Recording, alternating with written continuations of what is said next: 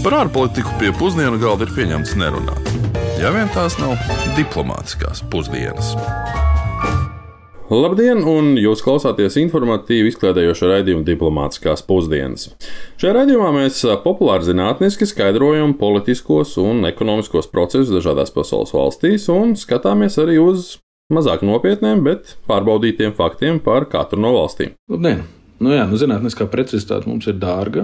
Tādēļ ik viens, kurš ir uh, saklausījis kaut ko kļūdainu, vēl joprojām tiek aicināts mums rakstīt un ziņot, lai nepieciešams gadījumā varam veikt arī korekcijas nākamajos raidījumos. Bet kur mēs dosimies šodien? Um, solījām klausītājiem, ka uz uh, Svatiniju, Āfrikas kontinenta dienvidos, ne?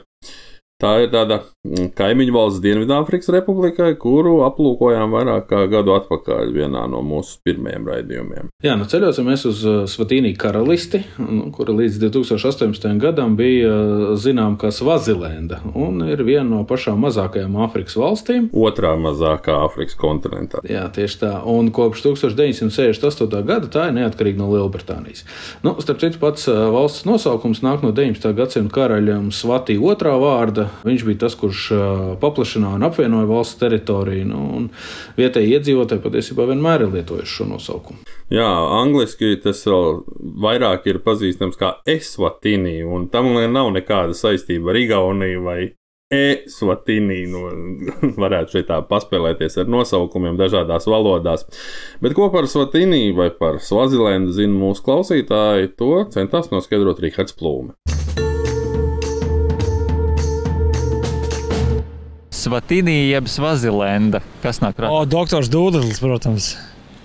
Svahilī valoda, un uh, tu kaut kā man slēdzās ar to kopā. Doktors Dūdlis, jā. Uh, leģendārais stāsts, leģendārā literatūra. Un tas ir kaut kas, uh, kur ir tas smaragds, zaļais ūdens un tās baltās smiltis, un kur visi grib būt, bet kad aizbrauc, saprot, ka ilgāk par trīs dienām nevar izturēt, jo gribās ziemu vai ko no, no, no tam līdzīga. Man liekas, tā ir laba vieta. Uh, kaut kur ļoti tālu, Āfrika vai Āzija. Nezinu, tēja. Tā ir valsts, kurai nesen nomainījās nosaukums kaut kad salīdzinoši. Man liekas, es skatījos video par šo valsti, bet es neatceros vairs, kas tur bija. Bet es zinu, ka viņai ir cits nosaukums tagad. Nu, tā, šis ir tas jaunais nosaukums. Karalis. Nu, Svazilendā karalis tur laikam visas sievietes skaitās viņas sievas vai kaut kā tā, ja viņš grib. Es pat nezinu, Āfrika, nu, silts karsts viņiem tur interesants naudas nosaukums. Viņiem ir kaut kāds svantīnī vai kaut kas tāds.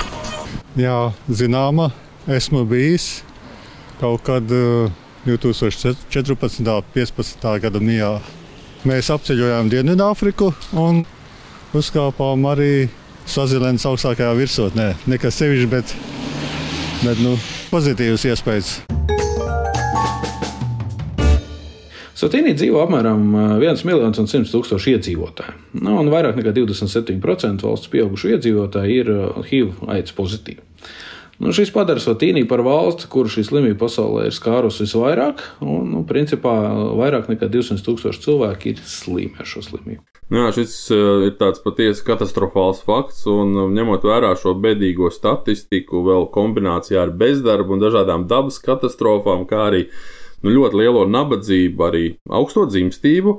Tā visa rezultātā vidējais vecums valstī ir nepilnīgi 24 gadi, bet dzīves ilgums uh, ir tikai apmēram 58 gadi. Nu jā, un darba spēka emigrācija vēl vairāk ir pastiprinājusi to, ka Sotīnī dzimuma vecuma struktūra iezīmē to, ka 34% valsts iedzīvotāji ir bērni. Nu, Protams, trešā daļa valsts iedzīvotāji ir bērni līdz 14 gadu vecumam. Nu, un vēl jāpieskaita papildus trešdaļa, kas ir vecumā no 15 līdz 29 gadiem. Šajā gadījumā jāsaka, ka valsts dzimstības ziņā nemaz nav uh, pašās līderpozīcijās Āfrikas kontinenta kontekstā skatoties. Um, jā, arī mirstības rādītāju ziņā valsts skaitās uh, tikai 35. vietā pasaulē, bet uh, pirmajās vietās šeit, diemžēl, vai mēs kā varētu pat lepoties, ja? Lietuva un Latvija. Jā, Latvija ir otrā valsts pasaulē ar vislielāko mirstību. Nu jā, nu, laikam mums nemaz nevajag aicis. Mums to lielāko darbu izdara alkohols un sevišķi vīriešiem, no kuriem trešdaļa smagi dzer pēc statistikas. Un uh, nav jau noslēpums, ka pat um, tādas mazas un um, citu valstu ieskauts Āfrikas valsts um, arī pagājušajā gadā saskārās arī ar Covid-19 pandēmiju. Lai arī valdība ļoti ātri ievies dažādas ierobežojumus, izkristalizējās kāda grupa Svatīni iedzīvotāji, kur šajā laikā iespējams cieta pat visvairāk, un proti tās bija sievietes, daudz no kurām ir mājražotājas un kuras vienkārši zaudēja jebkādus ienākumus. Par to, kā Covid-19 pandēmija ietekmēja gan cīņu ar HIV un AIDS, gan Svatīnijas sievietes un valsts ekonomiku kopumā, stāsta organizācijas Gone Rural dibinātāja un vadītāja Dženija Torna, kura jau kopš 70. gadiem Svazlendā un tagad Svatīnī cenšas iedrošināt sievietes, mudinot tās ražot dažādus suvenīrus un arī mākslas tradicionālos priekšmetus. Un Dženijas Tornas vadītā organizācija Swift arī apvieno vairāk nekā 5000 dažādu māju ražotāju un arī mazo uzņēmumu. Our other major um, issue in our country Viens no mūsu valsts lielākajiem izaicinājumiem vienmēr ir bijis HIV un aids augstie rādītāji. Mums ir augstākie HIV un aids rādītāji pasaulē. Valdība un privātais sektors ir cieši sadarbojušies, lai saslimstības rādītājs samazinātu līdz aptuveni 1,4%. Taču tas joprojām ir ļoti liels izaicinājums, ņemot vērā, ka mūsu valstī ir vairāk nekā 200 tūkstoši bāreņu. HIV un nabadzība kopā rada divkāršu postījumu gadījumus, un mēs tik tikko bijām sākuši no šīs bedres izkļūt, kad sākās šī pandēmija. Papildus tam 70% no mūsu iedzīvotājiem ir vecumā līdz 35 gadiem, bet 58% no viņiem ir bezdarbnieki. Mūsu godīgās tirdzniecības organizācijas SWIFT, kas apvieno 5000 kompāniju un rokdarbu ražotājiem, ir centušies strādāt tieši ar jauniešiem, sniedzot viņiem zināšanas un iemaņas, kas ļaut viņiem nonākt darba tirgū. Pēc pandēmijas sākuma bez darba palika aptuveni 9000 no mūsu cilvēkiem, bet katrs no tiem atbalsta aptuveni 6 citus no viņa atkarīgos. Tādējādi šīs ietekmes apmērs ir milzīgs. Mēs arī ļoti esam atkarīgi no turisma, taču kopš marta visas viesnīcas ir slēgtas un tiek rēķināts, ka mazie un vidējie uzņēmumi 2020. gadā nenopelnīja vairāk par 50% no paredzētajiem ienākumiem. Ja mēs runājam par bezdarbu jauniešu vidū, tad to vairāk, protams, izjūt tieši jaunās sievietes, nevis vīrieši. Galvenokārt tāpēc, ka dzimumu līdztiesība mūsu valstī pastāv tikai kopš 2006. gada. Arī vēsturiski ģimenēs jauniešiem faktiski nav nekādas lomas lēmumu pieņemšanā. Lēmumus pieņem pieaugušie. Tas nozīmē, ka no jauniem vīriešiem tiek sagaidīts, ka viņi sāks strādāt, bet jaunas sievietes apprecēsies. Cenšoties šos stereotipus pārvarēt, mēs cenšamies pārliecināt sievietes, ka viņu balsi drīkst sadzirdēt. Mēs cenšamies sievietes virzīt uz vadošiem amatiem, taču mēs to darām sadarbībā ar vīriešiem. Ir jāsadarbojas, jo nedrīkst uzklausīt tikai vienu sabiedrības daļu. Ja mēs to darām kopā, mēs esam spēcīgāki un daudz vienotāki. If we do it together, we're stronger and we're more united. Kad esam apskatījuši pašus nu, tādus hmm, dramatiskākos, varbūt ne tik patīkamākos rādītājus Latīnijas karalistes dzīvē, jāpalūkojas arī uz ekonomiskajiem un politiskiem aspektiem.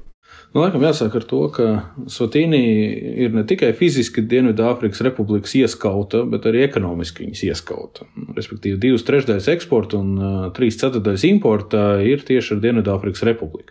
Sotīni valūta arī ir piesaistīta Dienvidāfrikas dolāram, un puse no valsts valdības ienākumiem ir no saviem ieņēmumiem. Valdība ir atkarīga faktiski no Dienvidāfrikas muitas savienības muitas ieņēmumiem. Ārvalstu palīdzība, protams, arī ir daļa no valdības ieņēmumiem, un lielākie ieņēmumi gan valsts ekonomikā, protams, nāk no cukuru un bezalkoholisko dzērienu koncentrātu ražošanas. Starp citu, cukurnieku audzēšana ir lielā cieņā, un tā ir ceturtā lielākā cukuru ražotāja Āfrikā. Nu jā, es laikam nekad neaizmirsīšu, kā man Eģiptē mācīja cukurniedru sēst laiku. Tas vairāk deserta sadaļai varbūt atbilst. Man, mana kalmjānmā mācīja dzert cukurniedru sulu. Kas vajag spiest cukurniedru sulu, tas ir pats saldākais, ko es jebkad dzīvē dzēru. Nu tā, ka reāli visi turku saldu un pat atpūšos salīdzinot ar to. Runājot par satīnu ekonomiku, jāpiemina, ka asbestu un dimantu eksports ir būtiskākie valstī no derīgo izrakteņu iegūs viedokļa. Taču par spīti tam satīna ir ap 28% bezdarbnieku. Un Augsnes noplicināšana, sausums un plūdi ir tās lielākās problēmas tieši lauksaimniecības sektoram, un arī kalnrūpniecības, ap citu, iet mazumā, nu, jo vienkārši trūkst darba spēka. Un ogļu, zelta, dimantu un arī akmeņlaustuvju raktos ir mazas, un kopš 2014. gada nav arī vairs dzelzceļa iegūta. Jā, starp citu, iegūs vieta, ko aizvēra 2014. gadā dzelzceļa iegūs vieta Gveņģijā, Maina, jeb krokodilu raktuve, ir pasaulē vecākā zināmā dzelzceļa iegūs vieta. Ir aprēķināts, ka tā bija līdz pat 43 tūkstošiem gadus sena. Principā no akmens laikmeta. Precīzi. Bet par mūsdienām atkal runājot, valsts IKP uz vienu iedzīvotāju pēc Pasaules bankas datiem ir apmēram 3200 eiro. No Latvijas rādītājs nepilnīgi 15,000 eiro, nu, kas acīm redzot, gandrīz 5 reizes lielāks. Un zem nabadzības sliekšņa valstī dzīvo 63% valsts iedzīvotāji. Nu, diemžēl tā tas arī ir.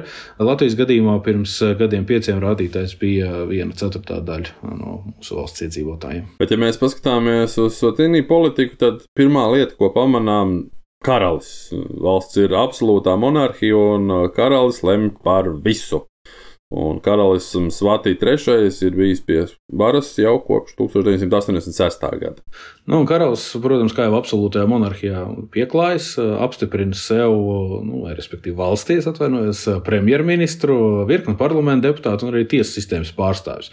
Nu, visticamākais, ka arī ceturtās varas pārstāvis, nu, respektīvi žurnālists, arī apstiprina, viņš noteikti, kuri viņam ir tie, kas ir patīkamākie un tīkamākie. Un, piemēram, politiskās partijas eksistē, bet līdz galam galam nav skaidrs, uz uh, kāda juridiskā pamata un ar kādām tiesībām. Respektīvi, 2005. gada konstitūcija ar visiem labojumiem gadu vēlāk vienlaicīgi gan neaizliedz, bet arī neatzīst politisko partiju eksistenci. Nu, tā kā arī pēc gadu desmitiem ilgiem aicinājumiem karalis arī demokratizāciju valstī tomēr nav atzinis. Līdz galam nav atzinis.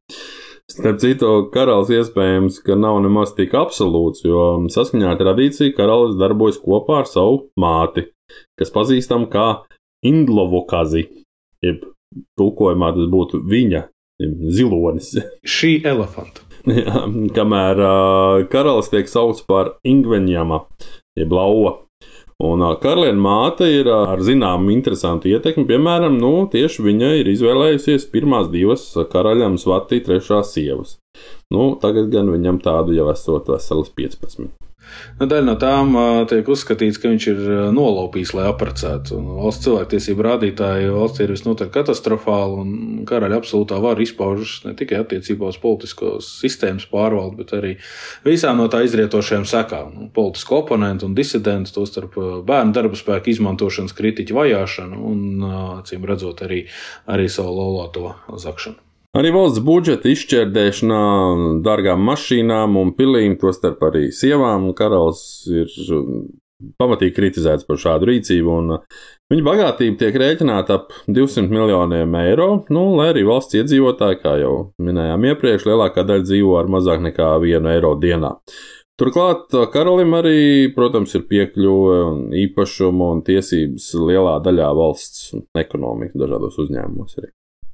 Un tas viss, lai saturētu kopā valsti, kurā ir apmēram 70 dažādi klani un etniskā dažādība, arī senas šīs monarhistiskās tradīcijas, bet pēc reliģiskās piedarības um, lielākā daļa ir pārliecinoši ir kristieši.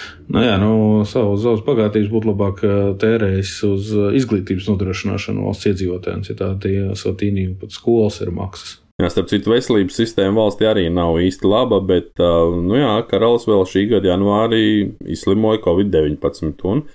Ārstēties bija palīdzējušas Taivānas nodrošinātās zāles. Šīs zāles gan ir daļa no, arī no valsts ārpolitikas. Respektīvi, Svatīni ir viena no valstīm, kura par likumību atzīst Taivānas republiku, nevis Lielo Ķīnas Demokrātisko republiku.